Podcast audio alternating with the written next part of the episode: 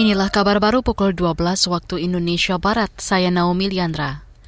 Presiden Joko Widodo berharap jalan tol Cibitung Cilincing bisa memperlancar akses industri ke pelabuhan.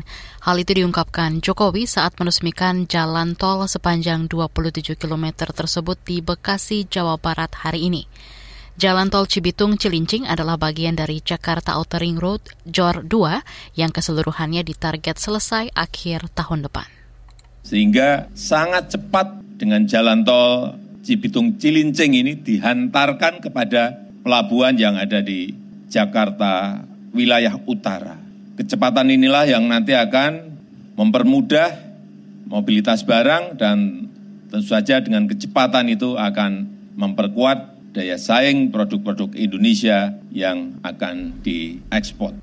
Pada kesempatan yang sama, Presiden Jokowi juga meresmikan jalan tol Serpong Balaraja Seksi 1 sepanjang 5 km yang merupakan bagian dari JOR 3.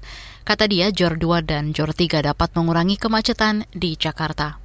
Rapat paripurna DPR menetapkan anggota Dewan Pengawas Badan Pengelola Keuangan Haji BPKH periode 2022-2027. Anggota Dewas terdiri dari lima orang dari unsur masyarakat yang telah menjalani uji kelayakan dan kepatutan. Ketua Komisi Bidang Agama DPR Asabul Kafi mengatakan kelima nama tersebut dipilih secara musyawarah mufakat.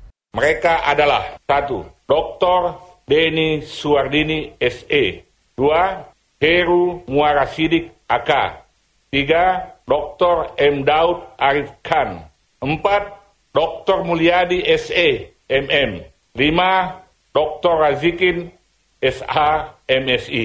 Jadi kelima-limanya ini bertitel doktor, gelaran tertinggi akademik. Asabul Kafi yang juga politikus PAN ini menambahkan anggota Dewas BPKH terpilih diyakini kompeten di bidang syariah dan keuangan.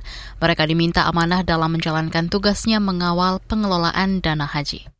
Indonesia berperan memperkuat infrastruktur kesehatan global melalui program pendanaan atau FIF yang telah disepakati G20 di bawah presidensi Indonesia. Hal itu disampaikan Menteri Luar Negeri RI Retno Marsudi pada pertemuan tingkat menteri di New York, Amerika.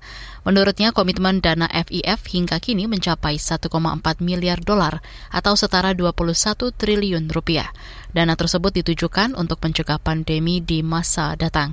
Indonesia juga mengusulkan sejumlah poin, di antaranya memperkuat peran Organisasi Kesehatan Dunia WHO untuk pengelolaan isu kesehatan global. Demikian kabar baru KBR, saya Naomi Liandra.